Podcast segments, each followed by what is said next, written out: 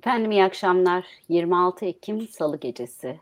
Bir EGT yayın gecesi yine hep birlikteyiz. Ayın sonu 26 Ekim'i özellikle söyledim. Çünkü son salı bizim için bambaşka bir anlam işaret ediyor bir süredir.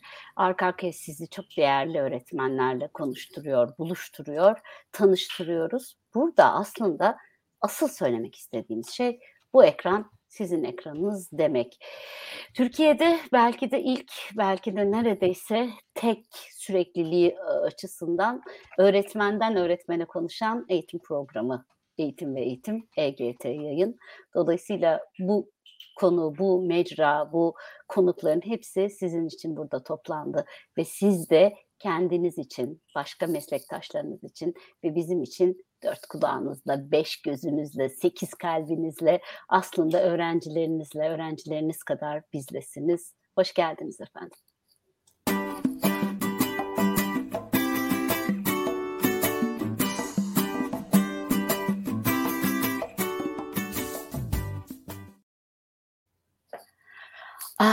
Biz bugün e, sizi e, eğitim ortamlarındaki ön yargılardan alacağız. Pandeminin etkilerini, okula uyumu, uyum sürecini şöyle bir tartacağız. Oradan sonra da e, en çok ihtiyacımız olan şeylerden bir tanesi bugünün eğitimini aslında şekillendirecek ana kavramlardan biriyle farklılaştırılmış eğitim ve 21. yüzyıl becerileriyle e, uğurlayacağız. Şimdi burada üç ayrı konuk var. Üç ayrı konukla sizleri buluşturacağım. Kübra Karahanoğlu, Emre Şahin ve Ayça Demirel Koçer bugün bizle olacak. Hepiniz hoş geldiniz. Ee, önce sorularla ve konuyla başlamadan önce ben sevgili ekibimi selamlamak istiyorum. Ee, Kerim yine ben yalnız değilim diyecek biliyorum ama ben bir, bir söz bu sefer söylemek istiyorum hepsi için.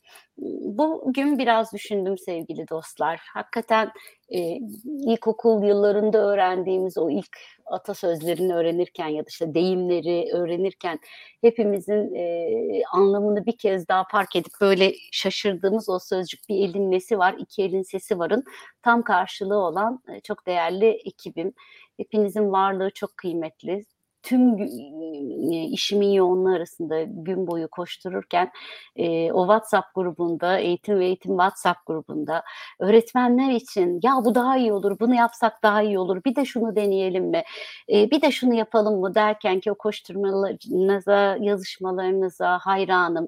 Hatta eğer yaşlandı ve çok sulu gözlü oldu demezseniz bazen e, gözlerim dola dola izliyorum o heyecanınızı ve emeklerinizi. Bütün izleyicim adına, izleyicilerim adına ben ekibime çok teşekkür ediyorum ve hoş geldin Kerim diyorum. Hoş bulduk hocam merhabalar. Ee, ekip arkadaşlarımı bir saymak isterim. Ee, bu hafta e, heyecanlıyım çünkü yine söz eğitimcilerdeyiz. Ee, eğitim için e, ve de öğretmenlik için aslında öğretmenlik, öğrenciler her türlü kısım için e, dert, dertlenen, e, bunlarla ilgili kafa yoran e, hocalarımızın olması, insanların olması, hani bu konuda e, tek olmadığını insanların hissetmesi e, çok kıymetli. O yüzden ay sonlarını çok fazlasıyla önemsiyorum. Ama tabii ki tek başıma değilim. E, Tarık Emir Ergün var, Merve Aydın var, Merve Kılçak var, Yağmur Gür var, Yasin Can Tonyalı var. E, şu anda bu yaptığımız e, programın ve de sosyal medyada ürettiğimiz içeriklerin hepsini aslında bu ekip e, birlikte çıkartıyoruz. Tabii ki Ece Hocam sizin e, önderliğinizde onu da söyleyeyim. E, sizin bazen adınızı geçirmeyi unutuyorum ama e, hani zaten hiç ihtiyaç e, yok. Ki var. E, olduğu için e, zaten söyleme e, bundan sonrasına e, bundan sonra söylemeyi asla atlamayı istemiyorum. E, sizlerden çok şey öğreniyoruz, birbirimizden çok şey öğreniyoruz ama en güzeli de e, ben üniversiteye 3. sınıf öğrencisiyken başladım. E, o zamanlarda bile mezun olduğum zamanda bile en azından eğitime dair, öğretmenliğe dair yaptığım ya da yapacağım işe dair bilgim en azından fikrim olduğu için e, bu fırsatı bana ta- sağladığınız için ben kendi adıma çok teşekkür ediyorum ve de e, değerli hocalarım sizler de hoş geldiniz diyerek e, topu Ece Hocam size bırakıyorum. Sevgili Kerim, hepimizin şansa ihtiyacı var, hepimizin deneyime ihtiyacı var, hepimizin sorup sorgulayacak ve bizimle sorup sorgulamış, sorgulayacak bir mentora ihtiyacı var. Maksadımız bu zaten. Hep birlikte düşünmek, ortak bir akıl e, üzerinden, ortak aklı küçümsemeden, ortak aklı yani herkesin aşağıya doğru eşitlendiği değil, herkesin biraz yukarıya doğru fark yarattığı bir ortak akıl üzerinden yürümeye ihtiyacı var. O yüzden iyi ki varız diyorum ben. E, kendi adıma. Bu arada sevgili izleyiciler yeniliklerimiz sürmeye devam ediyor. Bugün e, yayınımızı hem YouTube'dan hem LinkedIn'den hem de galiba eğer başarabildiysek sevgili Kerim Twitter üzerinden canlı olarak da verecek e, sevgili arkadaşım. Bu şu demek aslında yepyeni bir hedef kitleye belki bir kez daha ulaşacağız. Siz de eğer bizim sözlerimizi başka insanlara, başka öğretmenlere, başka eğitimci dostlara ulaştırmak isterseniz lütfen e, YouTube kanalımıza abone olunması konusunda destek olun. Tarık herhalde bu söylediğimi çok beğenmiştir şimdi. Beni alkışlayacak eminim. E, abone olun Twitter'da kardeşler. bu arada varız hocam. Varız değil mi? Şu anda Twitter'da da canlı yayını izleyebiliriz. Ee, Allah aşkına ve abone olun öğretmenlerim yoksa baskı altındayım. Burada bu çocuklar beni yiyecek, bitirecek. Ee, şimdi Kübra hocamla başlamak istiyoruz. Eğitim ortamlarında ön yargılar e, diye bir başlık seçti e, Kübra hocam. Hocam hoş geldiniz. Mikrofonunuzu açarsanız sizin sesinizi duyarız. Şu an sesim geliyor değil mi? Geliyor hocam. Merhabalar, tekrar iyi akşamlar diliyorum herkese. İyi akşamlar öğretmenim. E, PDR alanında olduğunuzu söylemiştiniz. O yüzden ayrı heyecanımız var. PDR'yi ben hem e, ekibimde de PDR öğrencilerim var. E, ben de işte PDR öğrencileriyle eğitim bilimleri alanında dersler yaptım. E, hem de aslında okulların yapı taşlarından bir tanesi olduğunu evet. çok iyi biliyorum. Biz burada sizinle belki yani ben sanki öyle algılıyorum. Ön yargıları konuşacağız ama e, aile ve toplumda öğrenilen o ön yargılar, eğitime yansıyan tarafları belki biraz kültürümü konuşacağız hocam. Ne dersiniz? Ee, biraz öyle de diyebiliriz aslında. Öğrenilmişlikleri konuşacağız. Öğrenilmişliklerin farkında olmamamızı konuşacağız biraz da. Evet, fark yaratmak için aslında e, bazen sınırları e, zorlamak gerekiyor. Hı hı. Tabii ki bizim en büyük sınırımız da doğru bildiklerimiz. Aslında ne garip, ne garip bir ironi değil mi? Yani bir şeyin doğrusunu öğrenmek için bu kadar emek sarf edip sonra onu öğrendikten sonra da en büyük ayak bağınızın o öğrendiğiniz şey olması. Sizi aslında en çok sınırlayan, en çok e, belki de gelişiminize engel olan şeyin o öğrendiğiniz olması çok büyük bir ironi özellikle öğretmenler açısından. Evet. E, ve bu yüzden hep bilmekten değil öğrenmekten güç almak gerekiyor. Bildiklerimiz ayağımızın bağı olur öğrendiklerimiz ayağımızın bağı olur ama öğrenmeye devam edersek özgürleşiriz diyoruz biz. E, siz bu anlamda ön yargılarla ilgili tanımlar yapsanız ve bize biraz e, başlığınızı açsanız. Tabii ki. Ee, şimdi ön yargı çok temel anlamıyla bir grup ya da kişiye karşı yeterince bilgi sahibi olmadan genellikle de olumsuz anlamda nitelendirdiğimiz duygu, düşünce vesaireler şeklinde tanımlanıyor. Ben evet. e, bu Ece Hocam yıllardır üzerinde çalıştığım bir e, konu. Çünkü ön yargı hayatımızın her alanında çoğunlukla da farkında olmadan hepimizin sahip olduğu bir kavram e, farkında olduğumuzda tabii bunu bilinç e, bu konuda bilinçlenme ve bunu değiştirme şansımız olabiliyor ama e, çoğu zaman öğretmenlerin de maalesef bunun farkında olmadığını e, ben de yıllardır 20 yıldır o farklı birçok okulda görev almış biri olarak maalesef belirtmek istiyorum. Tabii burada kişisel ya da mesleki bir eleştiri olarak algılansın da istemem bu. Çünkü çok güzel bir şey söylediniz. E, ne kadar farkındalık sahibi olursak e, yanlış olan doğru bildiklerimizi düzeltme şansımız da o kadar olacak. Olur. Bu evet. bağlamda e, ön yargılar e, çocukluktan, aileden, toplum bazında birçok farklı sebepten e, yetişme zamanlarımızda bizimle birlikte aslında içimizde büyüyen bazı durumlar. Biz bunları fark etmediğimiz ölçüde günlük yaşamda iletişim ortamlarında maalesef neden bu işler böyle kötü gidiyor sorusunu sormamıza da sebep olan durumlar. Evet. Özellikle okul ortamlarında e, öğretmen öğrenci arasındaki iletişimde e, her iki taraftan da kaynaklanan yani öğretmen ve öğrenci tarafından da kaynaklanan e, yine az önce söylediğim gibi farkında e, olmadığımız bazı ön yargılar iletişim süreçlerine yansıyor. Peki bu okul ortamında nasıl sorunlara ya da durumlara e, sebep olabiliyor? Ben şu soruyu sorarak açıkçası buna başlamak istiyorum. E, şimdi eğitimci bazından alacağım önce. E, Evet. henüz kendi ön yargılarından e, arınamamış bir eğitimcinin örneğin hak kavramını çocuklara nasıl içselleştirebileceğini sorduğumuzda karşımıza şöyle bir cevap çıkıyor. Şimdi çok basit bir örnek. Ondan önce şöyle bir örnek vermek istiyorum.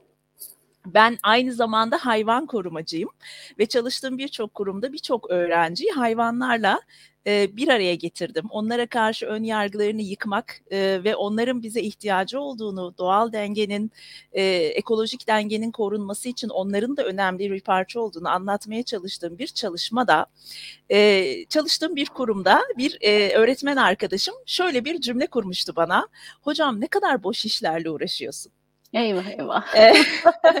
Benim cevabım şu olmuştu. Sınıfta sevgiyi, saygıyı, merhameti sözlü olarak anlatmaya çalışıyoruz da çoğu zaman işe yaramıyor ya. İşte ben bunu uygulamalı olarak öğretmeye çalışıyorum hocam. Aradaki fark bu demiştim. Artık daha sonra ne düşündü, ne taşındı bilemiyorum. Tekrar bir oturduğumuzda hocam özür dilerim. Düşününce anladım dedi. Şimdi e, bu bağlamda bizler ne kadar eğitimci olsak da birçok konuda e, entelektüel seviyemizi yükseltsek de sonuçta içinde bulunduğumuz aile ve yetiştiğimiz toplum bizim içimizde de bazı ön yargıların oluşmasına sebep olabiliyor. Zaten e, benim bu çalışmaları yaparken hep e, özellikle belirttiğim şu nokta şu olmuştur. Ön yargısız olma gibi bir şansımız yok. Zaten o zaman bayağı bir şu Kohlberg'in ahlak gelişim kuramında 5. 6. seviyelerde dolaşıyor oluruz. Ee, ama ön yargılarımızın farkında olup bunları yönettiğimizde işte bütün işleri düzeltme şansımız oluyor. Bugün bu yayına başlamadan önce denk geldiğim bir sosyal medya paylaşımını ben paylaşmak istiyorum. Bakın eğitim ortamında bunun ne kadar önemli olduğunu anlatan çok güzel bir örnek aslında. Bir hanımefendi şöyle bir paylaşımda bulunmuş. Öğretmen soru sormuştu. Ben yanlış cevaplayınca saçma cevabını başka yerde söyleme gülerler dedi. Bunu duyan sınıf kahkahalarla güldü. Mahcup hissettim. Uzun yıllar kalabalıkta söz alma ve soru sormaya dair bir problemim oldu. Öğretmen ve eğitmen olmak büyük sorumluluk. Buradan şunu çıkarabiliriz aslında. Bizim için önemsiz, değersiz, belki saçma diye tanımlanan birçok durum bir başkası için hele ki bir çocuk için çok büyük anlamlar içerebiliyor.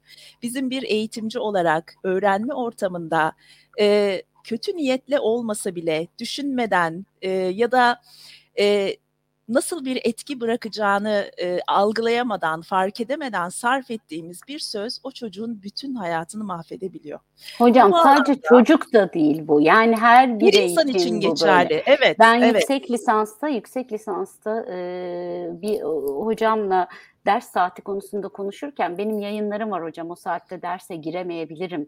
E, acaba ders saatini revize edelim mi ya da ben mutlaka çalışacağım hiç merak etmeyin gibi hani bir şey yorum koymaya çalışırken ortaya ben bana hocam şey demişti sen sunucusun ne işin var buralarda? Hani öyle bir şekilde söyledik hani sunucu parçasısın yani hani eğitim bilimlerinde yüksek lisans ne yapıyorsun? der gibi. Bu ön yargı hani e, mesleki olarak bir ön yargı var, benim yapamayacağıma dair bir ön yargı var. E, yani hani bu işe layık olmadığıma dair bir ön yargı var. Oysa ki o diplomayla şimdi çok şey yapıyorum. Hatta üniversitelerde ders veriyorum. E, o diplomayla. Yani o yargının yersiz ve yurtsuz olduğu aslında benimle vücut buldu ama işte o ki ben bayağı yani 38-39 yaşındaydım o zamanlar. Ona rağmen ne kadar acı çektiğimi ve nasıl üzüldüğümü işte aradan 10 yıl bile geçse hala adlı adınca kullandığımı söyleyebilirim. Dolayısıyla bu söyledikleriniz çok kıymete değer. Bu arada minicik bir, bir bölüyorum sizi. Rüstem Yurteri yayınımıza katılmış, selam etmiş. Selam olsun kendisine. Zannetmek de ön yargıda yargıyı da kapsayan bir kavram sanki demiş ve bir ayraç açmış zannetmek Hı hı. Türk dilinin kelimeler arasındaki farkları bilmek çok önemli. E, çünkü dilimizin sınırları düşüncelerimizin sınırlarıdır. Bence bizim en büyük problemimiz, bu benim ön yargım belki de diye de kendini düzeltmiş. Bütün problemlerimiz onları ele aldığımız kavramlar ithal. Hep diyorum kendi dilimizde yaşayan kavramlar geliştiremezsek hiçbiri olmuyor. Ben e, hocamın söylediklerini belki bu kelimelerle ve bu ifadeyle kullanmazdım ama çok benzer şeyler söylüyorum. Mevlana'nın bir sözü var, öğrencilerim hatırlarlar. Hep demiş ki Mevlana, insan kulaktan zehirlenir diye. Ben de duya duya öğrendiğimizi düşünenlerdenim açıkçası. Dolayısıyla dil becerimizi anlam ve kavram kurmada, kurmacada kullanmak bence de çok kıymetli. İşte size yeni ön bir yargı bir ön yargı daha demiş Rüstem hocam. Öğretmen her şeye hakim olsun. Her şeyi onun üzerinden tanımlayalım demek yanlış. Öğretmen yön veren, ışık eden olmalı. Değilse öğretmeni kutsallaştırmak da değil diyor ee, hocam. Hem yorumunuzu almak istedim. Tabii ki. E, şunu söylemek hem de istiyorum. Özellikle son e, paylaşımla ilgili e, hı hı. sevgili Rüstem e, Bey'in Şimdi bu kutsallaştırmak noktasında e, öğretmeni ben de çok açıkçası taraftar değilim.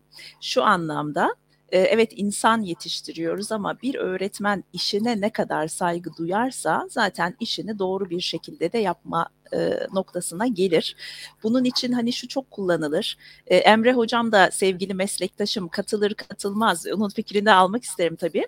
Hani tabii. çocukları çok sevmek gerekir. Çocukları çok sevmek gerekmiyor. Onlara saygı duymak, birey oluşlarına saygı duymak öğretmenliğinizi, eğitmenliğinizi iyi yapmanız için yeterlidir.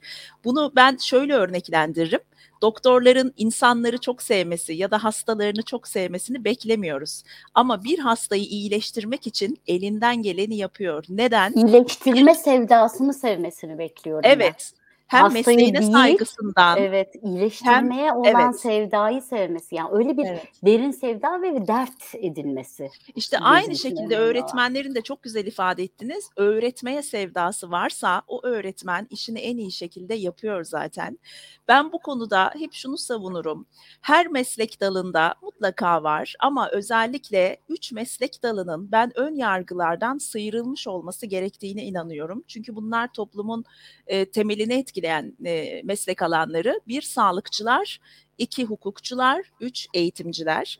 Bizim meslek alanlarımızda da yok mu tabii ki ön yargılarına yenik düşerek işlerini yürütenler? Her meslekte olduğu için var. Ancak az önce söylediğim gibi bizler ne kadar işimi doğru yapıyorum, ne kadar iyi bir eğitimciyim sorusunu şu örnekle kendimize sorabiliriz. Belki bu soruyu cevapladığımızda ne kadar ön yargılı olduğumuzu fark etme şansımız da olacak. Nasıl ki bir doktor öleceğine kesin gözüyle bakılan hastanın fişini çekmiyorsa, sonuna kadar onu yaşatmak için elinden geleni yapıyorsa, bizler de öğrencilerin bu zor öğrenir, bundan adam olmaz, bunun kafası zaten çalışmıyor gibi söylemlerden uzak elimizden geleni yapmamız gerekir. Ben e, az önce de söyledim birçok farklı kurumda görev yaptım. Hiç unutamadığım bir örnektir. Bir öğrenci e, disiplin dilekçesi sürekli daha biriyle ilgili e, kurul görüşmeden ikincisi gelen bir öğrenci vardı. Ve birçok öğretmenin tavrı hocam bundan adam olmaz, uğraşmaya değmez şeklinde olduğunda ben şu cevap verdim ben uğraşayım da gene olmasın. Yani işte hastanın öleceğine e, kesin gözüyle bakan e, doktorun tavrını bizim aslında benimsememiz gerekiyor. E, iyileştirmek için, yaşatmak için nasıl çabalıyorsa biz de mutlaka ve ben e, herkesin bir kırılma noktası vardır. O direncin kırılacağı bir nokta vardır. O çocuğun e, yakalayacağımız o noktayı yakaladığımız an zaten düzelmeme, düzelmemek ifadesi de tartışılır gerçi. Hani bozuk bir şeyden bahseder gibi oluyor her seferinde ama e, hani bu noktada işte öğretmenliğimiz, eğitmenliğimiz devreye giriyor. Hocam, hocam bir öğretmenin eee, bir öğrencinin değişmeyeceğine, eee, fark yaratmayacağına inanması, hatta, işte, sizin deyiminizle öğrenemeyeceğine inanması mesleki intiharıdır. Kesinlikle.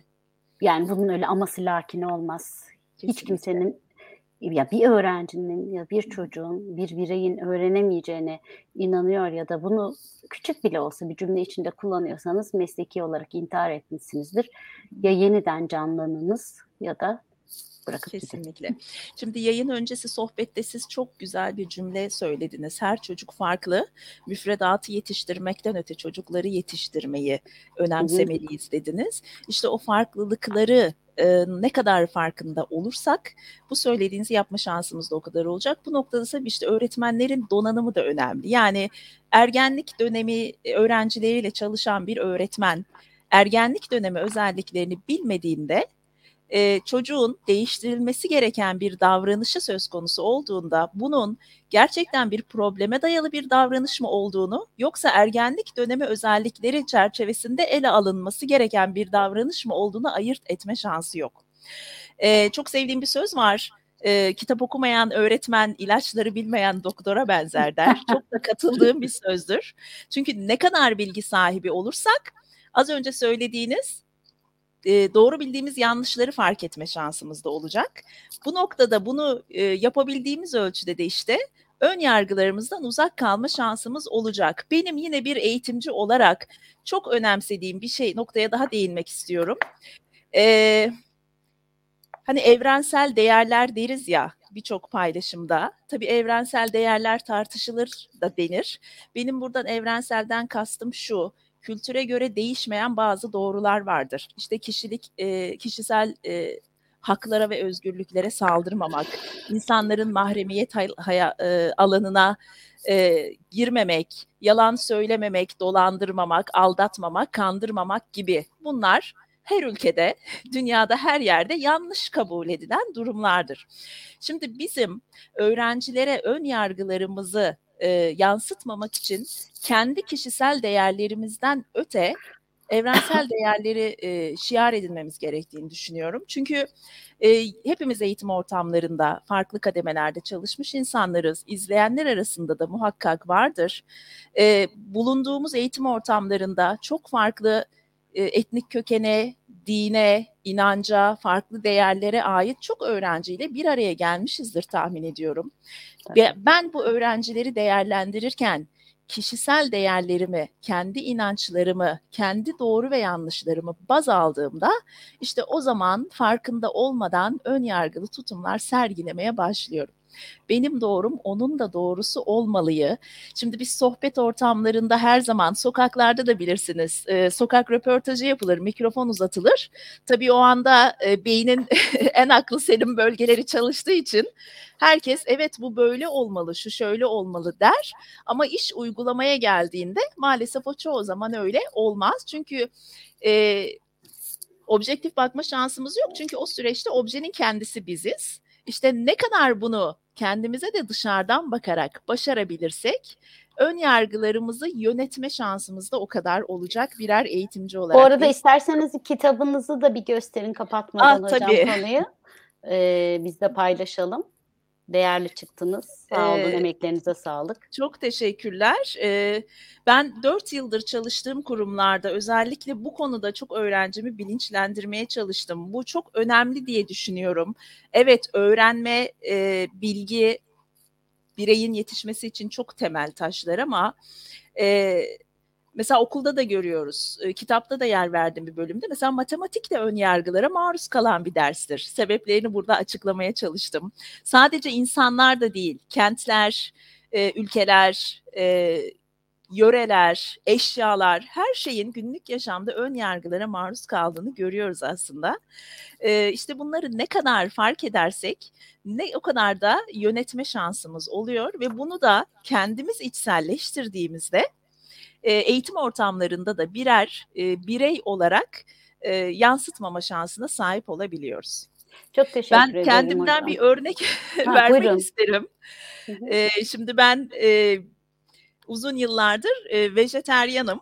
E, çalıştığım bir kurumda 7 sene kadar oluyor. E, bir orta öğretim kurumuydu bu. Eee, neler yapalım yıl içinde? Yapmak istediğiniz etkinlikler var mı? Hani sosyal anlamda bir şeyler yapalım dedim. 9. ya da 10. sınıf öğrencileri.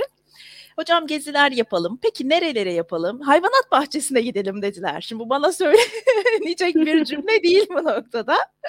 Ben e, buna karşı olduğumu gerekçeleriyle açıkladım. Hani hayvanat bahçeleri hayvanların sömürüldüğü, doğal yaşam alanlarından koparıldığı, insanların e, sırf gidip görmek ve keyif almak için yaşamlarının e, kendi inisiyatifleri dışında kısıtlandığı ortamlar şeklinde anlatırken niye karşısınız deyince işte vejeteryanlık e, sözü devreye girdi.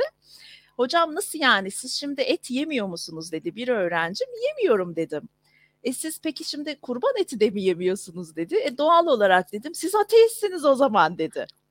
Şimdi bu örnek çok bir uç bir örnek gibi ama şimdi aslında bu da e, farkında olmadan o çocuğun yetişme döneminde e, edindiği bazı ön yargılar. Çünkü ön yargılarımız çocukluktan itibaren ailemizle birlikte içselleştirmeye başladığımız durumlar. Bunlar okul ortamlarına girdikçe öğretmenlerimizden bir araya geldiğimiz diğer arkadaşlarımızdan e, onlarla iletişim kurdukça yine farkında olmadan var olanların üstüne eklenen başka ön yargılarla besleniyor.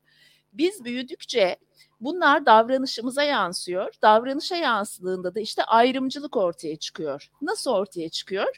İşte e, kilosu olana şişko, gözlüğü olana dört göz ya da aa o işte şuralıymış hiç işe yaramaz, hiç sevmem oranın insanlarını gibi söylemlerle ve e, ayırdığımız bu insanlara karşı daha uzak ve tepkili davranışlarımızda kendini gösteriyor.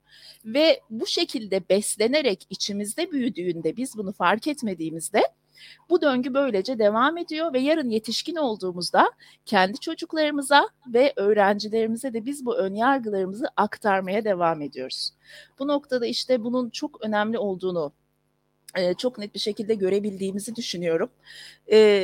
Bunu aşabilmek için ön yargılar nasıl fark edilir, nasıl yönetilebilir sorusunun cevabını vermek için de her eğitimcinin önce kendine bu soruyu sorarak ben ne kadar ön yargılıyım, e, ben ön yargılara ne kadar maruz kalıyorum, maruz kaldığım kadar ben ne kadarını başkalarına karşı gösteriyorum sorusunu kendi içinde dürüst bir şekilde sorması gerektiğini düşünüyorum.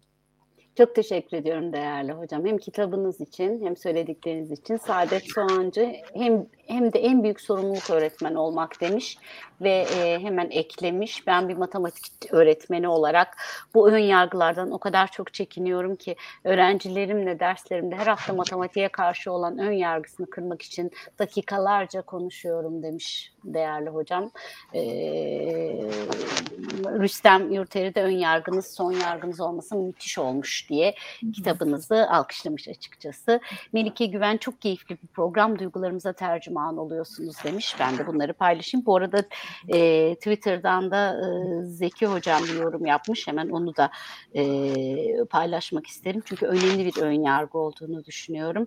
Demiş ki kendisi hemen paylaşıyorum yazısını bulup e, Suriyeli çocuklara yönelik çok yaygın bir ön yargı var öğretmenler arasında demiş.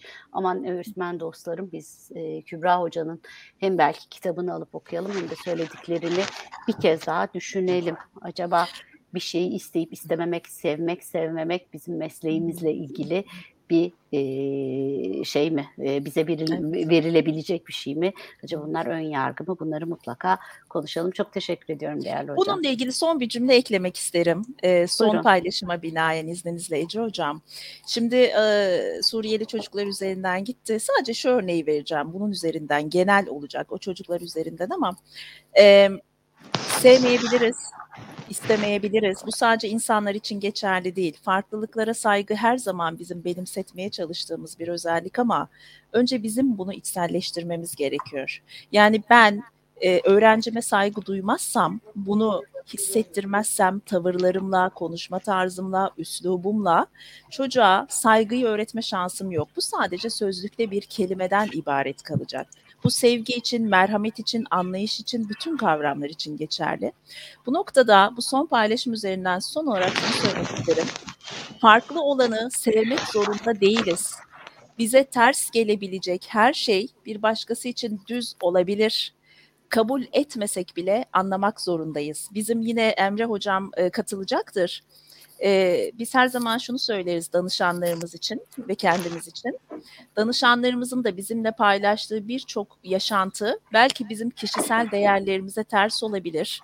E, asla kabul edemeyeceğimiz durumlar olabilir. Ama bunu sürece yansıttığımızda işte süreci sekteye uğratmış ve yanlış yapmış olur. Profesyonellikten uzaklaşmış oluruz. Kabul etmesek bile anlamak zorundayız. Kabul etmesek bile anlamak da bütün eğitimcilerin sahip olması gereken bir özellik diye düşünüyorum. Çok teşekkür ederim. Estağfurullah hocam. Ben çok teşekkür ediyorum e, katkılarınız için. Emre hocamla devam etmek isterim eğer müsaitse.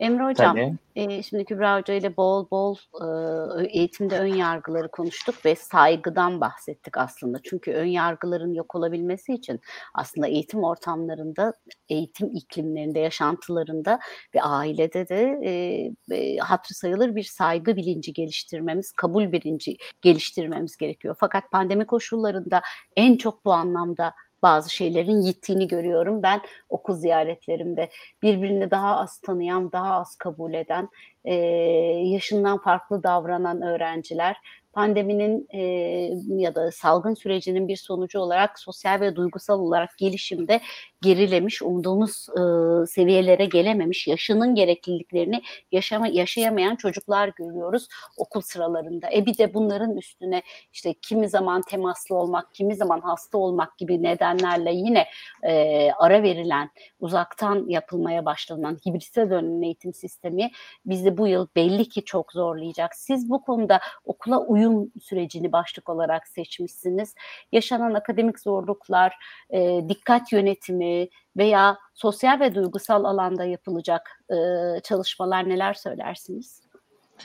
Öncelikle okula uyum sürecinde aslında pandemiyi ele almak gerekiyor. Aslında eve kapanmak bir çeşit hepimiz için bir kayıpları temsil etti.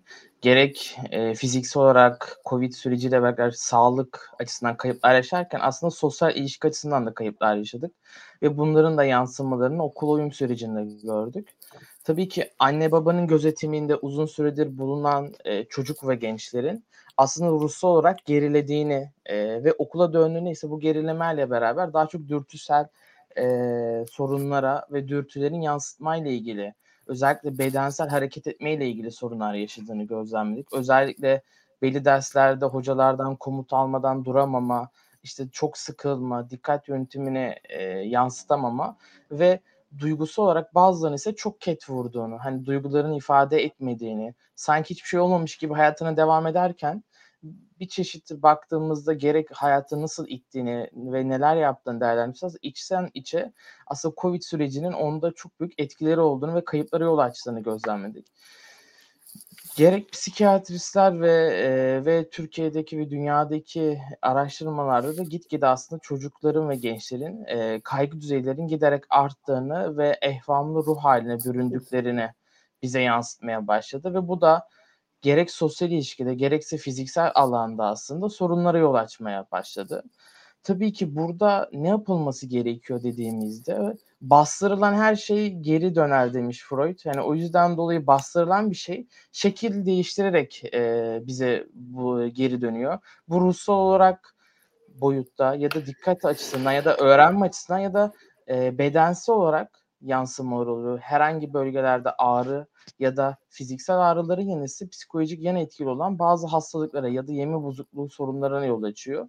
Bunlar aslında daha çok okullarda gözlemlendi. Bu gerek Türkiye bağlamı ve gerekse dünya bağlamında var olan durumlar olarak ele alabiliriz. Tabii ki bunlarla nasıl baş edeceğimizde en önemli şey aslında hiçbir duyguyu yok saymamak ve resim, müzik, e, sanatla ilgili bütün dersler ve aslında bedenin kullanıldığı özellikle beden eğitimi dersleri bence 2021-2022 eğitim öğretim yılının en değerli dersleri haline dönüştü.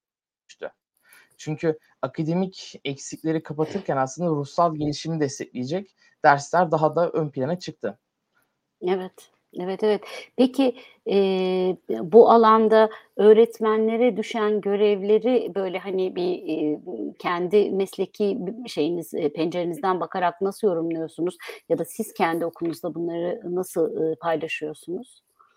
Aslında öğretmenlerin de şunu, eee, ele alması çok güzel olmuştu bizim okulumuzda da ve diğer Hı hı. okullardaki Hı öğretmenlerle de konuştuğumuzda. Aslında çocuklarla duygusal paylaşımda bulununca aslında herkesin birbirini daha çok kabullendiğini ve daha, eee, sosyal, ilişkisel temas kurduğunu gözlemliyoruz. Zaten öğrenmede de böyledir ya, eğer duygusal bağ kurabilirsen daha fazla öğrenebilirsin Tabii. aslında. Tabii. Bu yüzden dolayı da Bağlam kur biz kurabilmek için, yani, bir şeyin öğrenilmesi sırasında bağlam kurabilmek, onun öğre öğrenilmesini sağlamak, duygu örgüsünün üzerinde, eee, yol aldırmakla alakalı aslında o kavramı. Bunun kapsamında da zaten Milli Eğitim'in psikososyal müdahaleler çalışması kapsamında gerek öğretmenlere hı. ve gerek velilerle birlikte hı. aslında çocuklarla bunu nasıl konuşmamız gerektiğini biz ele aldık ve bunun Hı hı. yansımalarını da zaten şimdilerde gözlemlemeye başladık. Ha, tabii ki okula uyumun, eee, dijital süreçle beraber de yan etkileri olmuştu. Çünkü okulların ilk haftalarında çocukların zorlanmalarının psikolojik boyutlarının dışında fiziksel boyutları da gözlemlenmekteydi. Evet. Özellikle uzun süredir sabit ekran karşısında bulunmak, eee, hareket etmemek, sabah erken kalkmamak, yani vücutta fiziksel kas ağrılarına gibi yol açmalar gözlemlenmişti. evet. Bu da Hı hı. zaten psikolojik yorgunluğun yanında zihinsel olarak ve bedensel olarak yorgunluk süreciyle baş etmesini sağlamıştı. Ama duygusal bağdaşımla beraber ve gerek duyguların kabullenilmesi, yok sayılmaması Hı aslında hı. süreçte özellikle 8. haftaya beraber aslında okulun uyum sürecinin daha çok azaldığını, daha çok şu an akademik önceliklerin arttığını aslında çocukların bağlamında gözlemleyebiliyorum. Harikasınız hocam. Çok teşekkür ediyorum yorumlarınız için. Belki bir şey eklemek lazım. Hani şunu unutmamak gerekiyor. Biz bazen bana da soruyorlar. Taktınız bu duygulara işte çocuklar büyüyor. Eee, bu kadar, eee, şey mi? Yani anladık tamam, sosyal duygusal gelişim lafını kullanıp duruyorsunuz ama, ban geçen gün veli eğitimi yaptım. Bir bir şekilde o bu soru geldi bana. Çünkü, eee, yani tamam ne yapalım işte böyle do çocuklar da diyorlar, anneler, babalar, bunu biliyorum. Ama şunu mutlaka, eee, bilme yani, eee, bir kez daha hatırlatmak gerekiyor. Bilmeyen anne ve babalara da belki söylemek gerekiyor. Duygusunu, ııı, ifade edemeyen çocuk duygusunu sahip olamıyor ve yanlış duyguları yaşayabiliyor. Yanlış duyguları yaşayan, duygularına sahip olamayan çocuklarsa onu yönetemiyor. Bireylerse onu yönetemiyor. Bu çok kıymetli bir üçleme aslında. O yüzden Emre hocamın söylediklerine çok katılıyorum. Bizim burada her duyguyu yaşayabilecek, her yaşadığı her duyguya ait farkındalığı ve, eee, cümleyi kurabilecek, kurduğu için bu cümleyi de doğru duyguyu doğru şekilde ifade ettiği için de biraz önce Kübra hocam da söylemişti ya yani şey çok önemli, ifade etmek çok önemli diye. O zaman da, eee, duygusunu hakkıyla yönetecek bireyler, çocuklar ve gençler, eee, yetiştirmek lazım. Ha bir de hani çok çocuk deyip duruyoruz. Kayıtlara geçmesi babında, eee, dinleyicilerin, değişik dinleyicilere bir gün yayının ulaşması babında şunu da eklemek isterim ki bu bir birey olma yolculuğu. Yaşın falan pek bir önemi yok. Eee, somuttan soyuta zaten çok geç geçiyoruz bu ülkede. Zaten hayat koşulları bizi duygularımızı yönetmek konusunda zorluyor. Dolayısıyla hepimizin bu anlamda çalışmaya çok ihtiyacı var. Yaşımız kaç olursa olsun. Alper Demir iyi yayınlar dilemiş. Çok sağ olsun. Berat Hazıray keyifle dinliyorum demiş. Berat hocam biz de eğer varsa paylaşımlarınız, yorumlarınız sizi keyifle dinleyeceğiz. Gizem Yavuz İvişoğlu hocam özellikle 5. sınıf öğrencilerinde okula, derse, sisteme uyumda sıkıntılar oldu demiş. Eee, yazılının anlamını soran öğrencilerim oldu. Bu yüzden küçük yaş grubunun üzerine daha çok düşünmesi gerektiğini düşünüyorum demiş. Valla ben bir anne olarak söyleyeyim benim kızım 4,5'tan 6'ya geçti. Eee, ve ben daha anne olarak uyum sağlayamadım kızımın ortaokula geçtiğine. Hâlâ onun ilkokulda olduğunu düşünüyorum. Ben bir mezuniyet yaşamadım çünkü. O yüzden, eee, Gizem hocamın söylediğine katılıyorum. Özellikle bu geçiş sınıfları, kademe, geçişlerinde yapan sınıflar ve küçük yaşlarda bu iş bizi daha da zorlayacak. Teşekkür ediyoruz değerli hocama. Ve hemen devam ediyorum. Bu sefer e, ihtiyacımız olan bir şeyi konuşacağız Ayça Demirel Koçer'le. Başta da söylemiştim. Evet, e, bizim gerçekten farkındalıkları fark etmemiz e, çok önemli. Duyguları fark etmemiz çok önemli. Belki ön yargılardan uzak olmak için bu farkındalık daha da kıymetli. Fakat bilmek yetmiyor işte. O farkındalıkları görmek de yetmiyor. Farklılıkları görmek de farkında olmak da yetmiyor. Bir de bunları yönetmek ve her bireyi, her çocuğu, her genci bulunduğu yerden bir adım öteye götürmek sorumluluğumuz var eğitim camiası, eğitim dünyası olarak. İşte bu anlamda farklılaştırılmış eğitim ve 21. yüzyılın gerektirdiği becerilerle öğrencileri donatmak çok önemli ve kıymetli hale geliyor. İşte Ayça Demirel Koçer bugün bizle ve bu konuyu biraz ekrana taşımak ister. Hoş geldiniz. Hoş bulduk. Herkese iyi akşamlar diliyorum. Ee, ben farklılaştırılmış eğitimle ilgili konuşmak istedim hakikaten. Çünkü pandemi sonrasında e, her ne kadar e, öğrencilerimizin her birine ulaşmak için öğretmenler olarak elimizdeki tüm güçleri kullansak da e, çoğunu e, her anlamda dokunabilsek de e, dokunamadığımız alanlar oluştu. Ve bu noktada da farklılaştırılmış eğitim, e, ülkemizde yaygınlaşması, kullanılması her ne kadar eski olsa da artık eski diyebileceğimiz kadar üzerinden bir süre geçti aslında farklılaştırılmış eğitimin ortaya çıkmasından sonraki süreçte. E, pandemi sonrasındaki yüz yüze eğitimde bir kez daha kendinin ne kadar işlevsel ve gerekli olduğunu göstermiş oldu. E, çünkü farklılaştırılmış eğitimin aslında kabul ettiği, yani daha doğrusu kabul ettirmek istediği en önemli şey geride öğrenci bırakmamak, ileriye gidecek olan öğrenciyi de yerinde saydırmamak. Biz bu anlamda online eğitimde çevrim içi eğitim verdiğimiz süreçte öğrencilerimizin her birinin ölçme değerlendirmesini de yapsak, akademik anlamda takibini de yapsak muhakkak ki vermek istediğimiz tüm becerileri veremedik. Yüz yüze eğitimde olduğu kadar etkili olmadı bu, bu süreç. Dolayısıyla yüz yüze eğitime başladığımız bu dönemde elimizde çok büyük bir fırsat var. Öğrencilerimizden geride kalan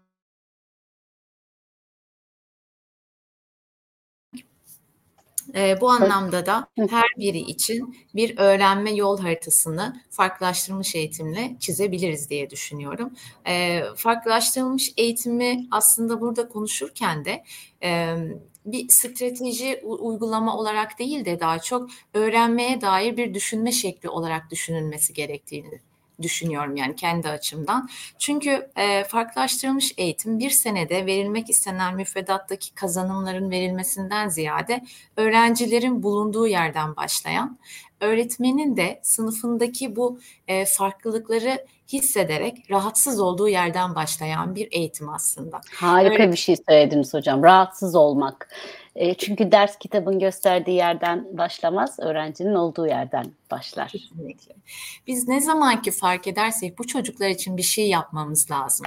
Bu her zaman da geride kalan için değil veya her zaman o üstün ya da parlak dediğimiz işini hızlı bitiren öğrencilerimiz için değil, e, hepsi için bir karma olarak düşündüğümüzde bu çocuklar için bir şey yapmam gerekiyor, ekstra bir şey lazım ya da farklı bir şey yapmam lazım dediğimizde aslında tek cevap farklılaştırılmış eğitim olabilir. Farklılaştırılmış... Aslında tek cevap tek cevap şu bence hocam. İlham vermemiz gerekiyor. Tutku Kesinlikle. yaratmamız gerekiyor. Öğrenmeyle olan bağını güçlendirmemiz gerekiyor. Tek yapabileceğimiz şey bu. Onun dışındaki her uğraşımız beyhude. Farklılaştırılmış eğitimin en büyük e, bence özeti zaten akış alanı kendi her çocuğun kendi akış alanı içinde onu bir üst seviyeye bir e, üst adıma e, yönlendirmek için tutku yaratması diye Kesinlikle. düşünüyorum acizane. Çok çok doğru söylediniz. Farklılaştırılmış eğitim yaparken de bir planlamada aslında e, tek düze bir planlama yaptığımız zaman biz göz ardı ettiğimiz çocukları kabul etmiş oluyoruz. Ve bunun yapılmaması için de e, işte planımızı her öğrenciye uygun olacak şekilde, onun öğrenme yolculuğuna uygun olacak şekilde dizayn etmiş, modifiye etmiş oluyoruz. Farklılaştırılmış eğitimin içerisinde e, birçok şey var. Aslında hali hazırda yapmış olduğumuz işte ölçme değerlendirme, teknoloji kullanımı, öğrenme profillerine uygun ders planlama, e, yani aklınıza gelebilecek oyunlaştırma. Mesela son dönemde çok e, şey kullanılan, yaygın olarak kullanılan oyunlaştırma tekniği bile aslında bu e, farklılaştırma ana başlığının altında yer alıyor. Bizim burada dikkat etmemiz gereken şey ne yapıyoruz, neden yapıyoruz, bunu nasıl yapıyoruz ve yaptığımızı nasıl ölçüyoruz. Yani UBD bakış açısıyla dediğimiz ne biliyorum, ne anlıyorum ve ne öğrendim bakış açısıyla e, bu e, sistemin parçaları parçalarını bir araya getirmiş oluyoruz esasında. Ee, Bu arada minicik bir yorum var onu söyleyeyim. Şahin Çevik hocam yazmış. Ee, yazarken çok gülümsediğini de görür gibiyim. Güzel bir yayın oluyor. Sevgiler demiş. Akademik koordinatörümüzü burada da dinlemek çok hoş demiş. Size sevgilerini iletmiş. Hemen iletmek istedim. Çok teşekkür Buyurun ediyorum. Hocam. Ben de sevgilerimi iletiyorum kendisine. Ee, Pandemi döneminde bir de belki şuna da e, dikkat çekmekte fayda var. E, öğretmenin bilgi veren mi, yön veren mi olduğu anlaşıldı. Bilginin ne kadar kolay ulaşılabilir olduğu aslında çok ortaya çıkmış oldu. Dolayısıyla biz artık öğretmenler olarak belki yeni nesilde e, yön veren, lider olan, ilham veren öğretmen olmak e, görevinde olduğumuzu fark etmeliyiz diye düşünüyorum. Öğretmenin sınıf içindeki aktifliğinin öğrenciyi geçmemesi gerekiyor ki öğrenci sürecin içerisinde e, tam anlamıyla, tam bir şekilde yer alabilsin. E, bu anlamda da demin söylemiş olduğunuz işte aslında öğrenciyi derse çekmek, bir merak uyandırmak, öğrenmenin doğal olarak ortaya çıkması için aslında o merakın, o ilginin ortaya çıkması gerekiyor ki kalıcı öğrenme gerçekleşsin. Bizlerin bu anlamda bir yol gösterici olması gerekiyor akademik önceliklerimizden evet. e, ziyade aslında öğrencilerimizin ihtiyaçlarını öncelik yapmamız belki de e, bakış açımızı doğru pencereye yönlendirebilir diye düşünüyorum bu anlamda. Aslında biz böyle çok söylüyoruz. Pek çok öğretmenin bunu bu yayınlarda söylediğini biliyorum. Ayrıca pek çok öğretmenle yaptığım özel çalışmalarda da bu fikirde olduklarını biliyorum Ayça Hocam. Ama dönüyor dolaşıyor. Mevcut eğitim sisteminin kilitlendiği yer olan o sınavlar ya da başarı anksiyetemiz yani bizi e, bizim başarı diye tanımladığımız o şey sanki ayak bağı oluyor. Belki bunu bu vesileyle sizin vasıtanızla bir kez daha göstermek ve anlatmak gerekiyor. Hem yapılan araştırmalar bunu gösteriyor dünya çapında hem de biz içinde yaşayan ve bu farklılığa saygı duyan ve bu farklılığı fark, farkındalığa sahip ve farklılığı e, önceleyen e, eğitimciler bunu birebir yaşıyoruz. E, çünkü yani yaşadığımız şey şu, evet böyle şeyler yapılabilir ve bu bizim sandığımızdan daha fazla akademik başarı, başarıya hatta sınavlardaki başarıya vesile olabilir. Bunu da belki biraz söylemek istersiniz. Çünkü hani tam bir akademik koordinatör olarak size düşer sanki bu bunu söylemek gibi düşündüm ve eklemek istedim. Aslında konuşmamın sonunda değinecektim. Çok teşekkür ediyorum. Sizle e, aynı noktadan bakıyoruz şu anda. Kesinlikle çok haklısınız. Bir kere farklılaştırmanın da ben e, belki e, Kübra hocama burada de, değinmiş olurum. Ön yargı ön yargı konusunda e, çok büyük bir yer kapladığını düşünüyorum. Yani daha doğrusu öğretmenlerimizde bu konuya ait ön yargılar olduğunu düşünüyorum. Farklılaştırma denildiği zaman e, ne yazık ki algılanan şey işte bir dizi stratejinin arka arkaya uygulanması veya bir derste birden çok etkinlik planlanıp e, çocuklara dağıtılması, işte farklı farklı bir sürü istasyon çalışması yapılıp dağınılması gibi algılanabiliyor. Aslında ben farklılaştırmayı şöyle bir e, kısaca özetlemem gerekirse genellikle bu örneği veririm. Bir yolculuk düşünün ve bu yolculukta A noktasından B noktasına gideceğiz. Bu A noktasından B noktasına gitme bizim bir kazanımımız. Ben A noktasından B noktasına öğrencilerimi gemiyle, trenle, uçakla, arabayla gönderebilirim. Bu farklılaştırmadır işte. Bunlardaki süre e, yol tamamen öğrenciye aittir. Ama gideceğimiz kazanım ortaktır. Başlayacağımız yer belki A noktası da olmayabilir ama gideceğimiz, ulaşacağımız yer aynı nokta. Bazen bazı öğrencilerimiz biraz daha üst düzey becerilerle düşünme yoluyla e, bu noktaya varabilirler. İşte aslında orada karıştırılan şeylerden bir tanesi de bu öğrencim benim diyelim ki matematikte çok hızlı bir şekilde soruları cevaplayabiliyor, problemleri çözebiliyor. Biz hemen şu yanılgıya düşebiliyoruz. İkinci sınıf öğrencisine üçüncü sınıf kazanımı vermek. Halbuki farklılaştırmanın bununla hiçbir ilgisi yok. Akademik yüklenme kesinlikle değil. İyi yapan, işini hızlı bitiren öğrencilere birden fazla çalışma kağıdı vermek hiç değil. O zaman bu bir aslında cezaya dönüşüyor. Geride kalan öğrencimiz için de aynı şekilde sen zaten yapamazsın deyip basit bir çalışma vermek de değil.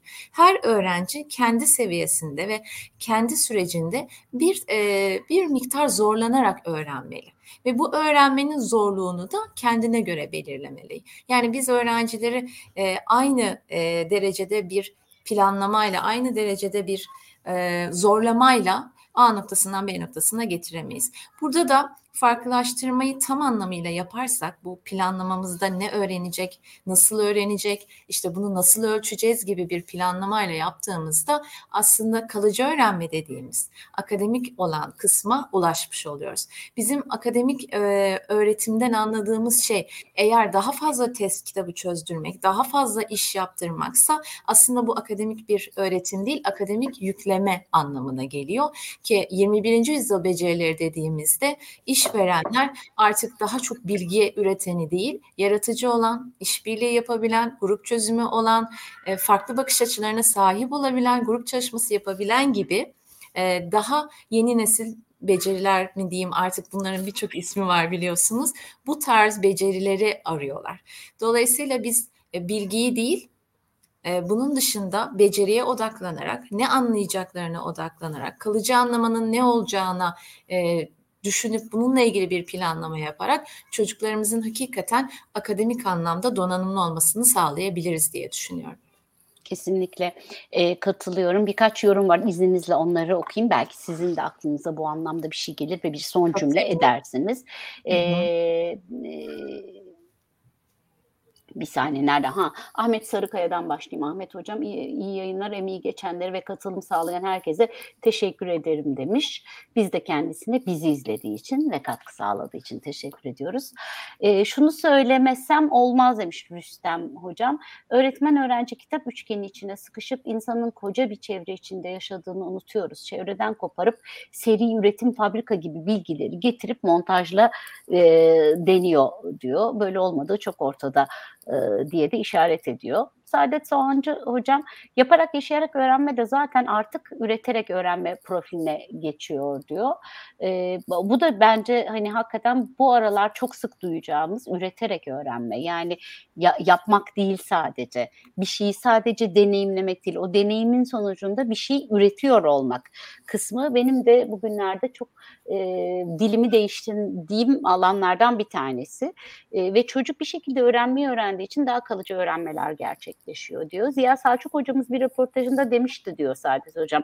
Hayat başarısıyla akademik başarıyı karıştırıyoruz diye ve hemen ekliyor zenginleştirilmiş öğrenme ortamlarını yaratabilmek sanırım farklılaştırılmış eğitimin en büyük örneği diyor. Hakikaten bu bu anlamda zenginleştirilmiş öğren, e, öğrenme ve öğretim araçlarına da siz de işaret ettiniz diye düşünüyorum. Hı hı. Ee, Berat hocam nasıl güçlü bir bağ kurarız e, sorusuyla beraber bir cümle kurmuş. Onlar da eğitimle güçlü bağlar kurarlar eğer biz bu sorunun üzerine gidersek demiş. Hakikaten çok da doğru söylüyor. Çünkü tek yapabileceğimiz şey hep her zaman söylüyorum e, onlarla bağ kurup onlara inandığımızı e, ve onların öğrendiğine, öğreneceğine ve değişeceğine olan inancınızı onlara söylemek. Çünkü öğrenme sorumluluğu, öğrenciye ait e, öğrenme sorumluluğunu onlara verebilmek için de tutku ve ilhamı e, gerçekten sakınmadan bol soru işaretiyle koşluk becerilerimizi öğretmenler için eğitimcilerin koşluk becerileriyle beraber bunu e, sınıfa taşımasında yarar var. Alter Demir demiş ki yaşamış oldukları gerçekler hayallerinden uzaklaştırdı birçok birçok öğrenciyi. Dolayısıyla bu yolda kalmalarını sağlayacak, iç motivasyonlarını tekrar kazanmaları aslında esas olan veli kaygılarından uzak e, tutabilmek dahi kazanım sayılabilir demiş. Çok doğru söylüyor. Emre Hocam belki biraz da sizin e, bölümünüzle de ilgili bir yorum olmuş bu. Veli kaygıları hakikaten bazen e, anksiyeteler yani başarı anksiyetesi e, mevzunun kazanmak veya kaybetmek değil nasıl oynadığın olduğunu e, yaklaştırmak öğrenciyi ve belki yapabiliyorsak aileyi çok kıymetli. E, Nihan Kaya diyordu demiş Rüstem Yurteli. Zil, sınıf, okul, sanayi devriminin ürünü araçlar. Bunların amacı fabrikaya eleman yetiştirmek. Evet artık fabrikalar kapanıyor. O yüzden başka türlü düşünmek zorundayız demiş. Alper Demir Toptuk Emre der ki yola çıkanın yolu vardır da yoldan çıkanın yolu yoktur. Yolda kalmalarını sağlayacak iki etken. iç motivasyonlarını veli ve veli kaygısına özgürleşmiş çocuklar. Alper Hocam bu aralar veliden çok çekmiş. Hemen hatırlatalım. Gerçekten ben anne baba olduktan sonra ebeveyn, ebeveyn olduktan sonra da veli olma yolculuğu diye bir yolculuk olduğunu bu yaşta artık çok net fark ettim ve her e, okulun e, anne baba eğitiminden vazgeçip veli olma eğitimi vermesi gerektiğine e, ve en iyi verecek yerlerinde böyle dışarıdan bulunmuş tutulmuş insanlar değil birebir öğretmenler, e, okul yöneticileri ve okullar olduğuna, içeriğin de okullar tarafından oluşturulması gerektiğine canı gönülden inanıyorum. Adnan Aydınoğlu iyi yayınlar diliyorum. Keyifle izleniyorsunuz demiş. Adnan Hocam biz de sizi keyifle burada ağırlıyoruz. Bahar, Bahar Engin Fuat İzmir'den yazmış. Merhaba Bahar. Ee, öğrencilerimizdeki öğrenme motivasyonunun sürekliliğinin sağlanması çok kıymetli. Başka bir şey söylemiş bakın. Demin bunu konuşuyoruz. Evet biz öğrenme motivasyonu sağlayalım çocuklar.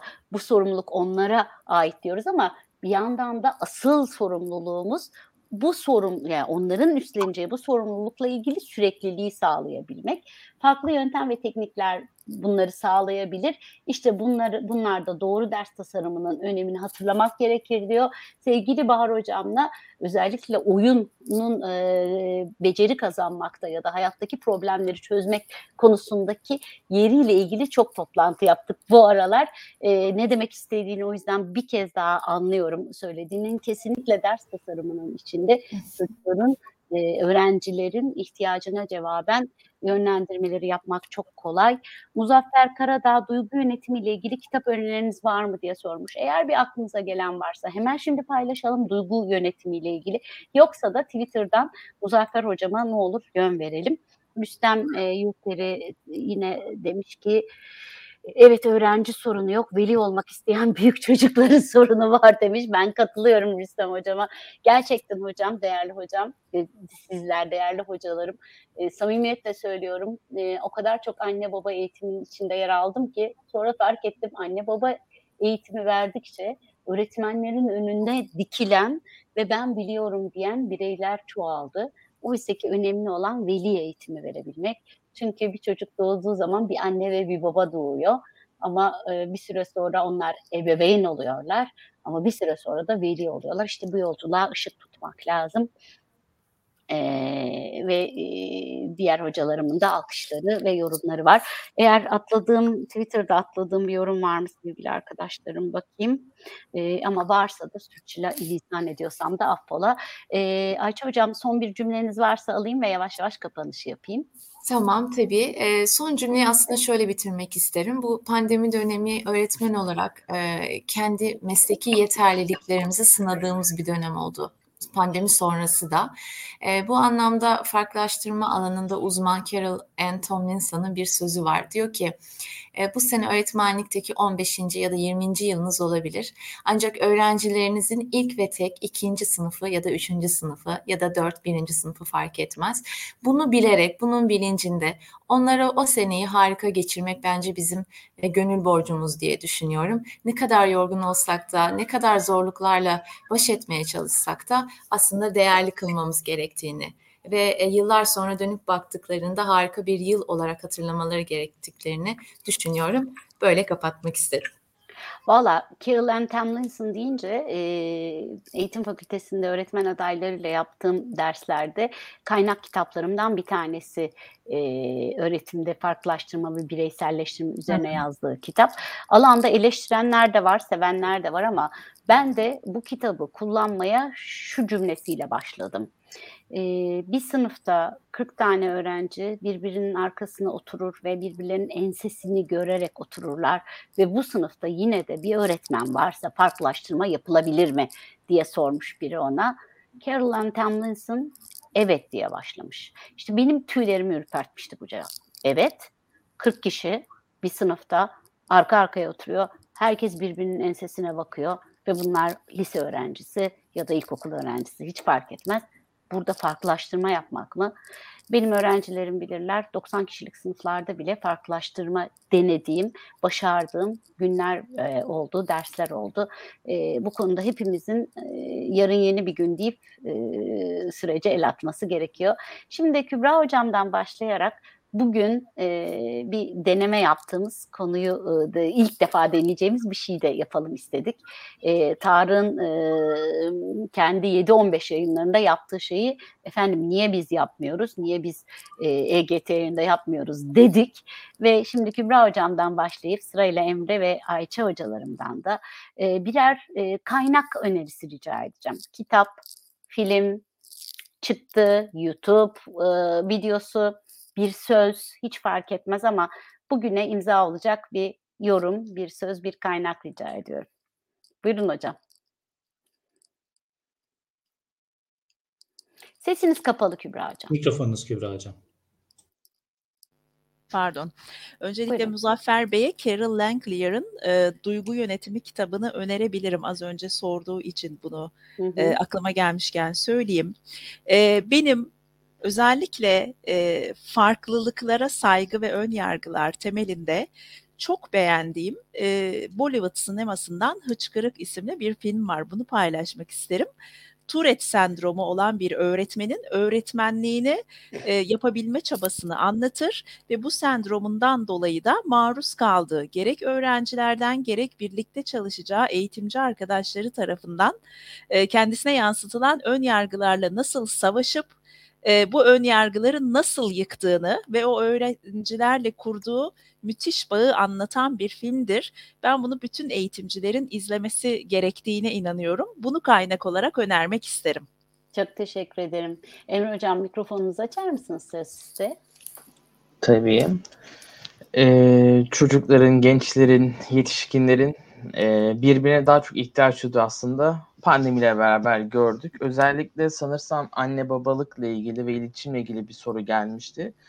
E, Leyla Navarro'nun şöyle bir kitabı var, Beni Duyuyor Musun diye. Gerek disiplin, gerek öz düzenleme ve anne baba çocuk iletişimi ile ilgili çok kapsamlıdır. E, çok da kalın olmamakla beraber bence okunabilecek bir kitap. Çok güzel de bir Dili de evet. çok tatlıdır. Hani ben herkes öneririm aslında. Hani öğretmen olmayan arkadaşlara da. Bence bize şu an destek nasıl alabiliriz ve verebiliriz'i çok güzel ifade etmekte. Harika. Ayça hocam? Ben de Richard Lowe'un Doğadaki Son Çocuğunu önermek istiyorum. Farklılaştırılmış eğitime inandığım kadar açık havada, doğada, yeşillikler içerisinde öğrencilerimizin, çocuklarımızın eee, daha iyi öğreneceklerini, daha derinlemesine öğreneceklerini düşünüyorum. O nedenle de bu kitabı öneriyorum. Çok teşekkür ediyorum. Biz bugün bir e, film ve iki kitap önerisiyle yayını noktalıyoruz. E, ama tabii ki 7-15 serimize e, katılan uzmanlarla beraber pek çok öneriyi e, sizlere buluşturmaya. Ayrıca sevgili e, Merve, e, iki Merve'min e, yoğun emeğiyle hazırlanan e, özel içeriklerde eğitim ve eğitimin Instagram hesabından da sizlere bir takım e, tüyolar ulaştırmaya devam edeceğiz.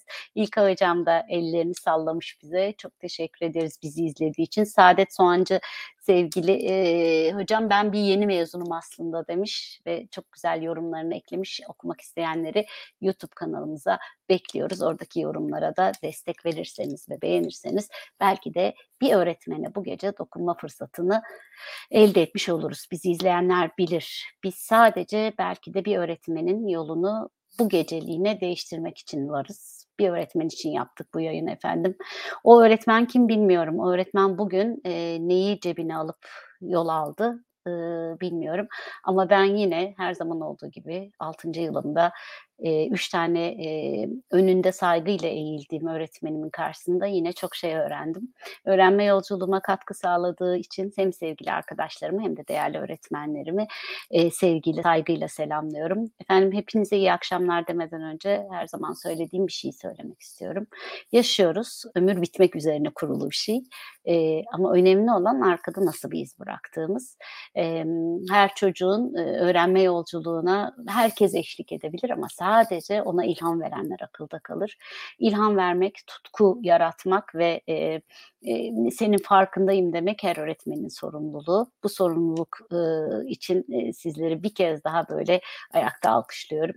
Hepinizle görüşünceye kadar hoşça kalın, sağlıkla kalın. E, lütfen e, bir öğretmeni daha YouTube kanalımıza abone e, yapmayı unutmayın. Görüşünceye kadar hepiniz hoşça kalın. İyi akşamlar.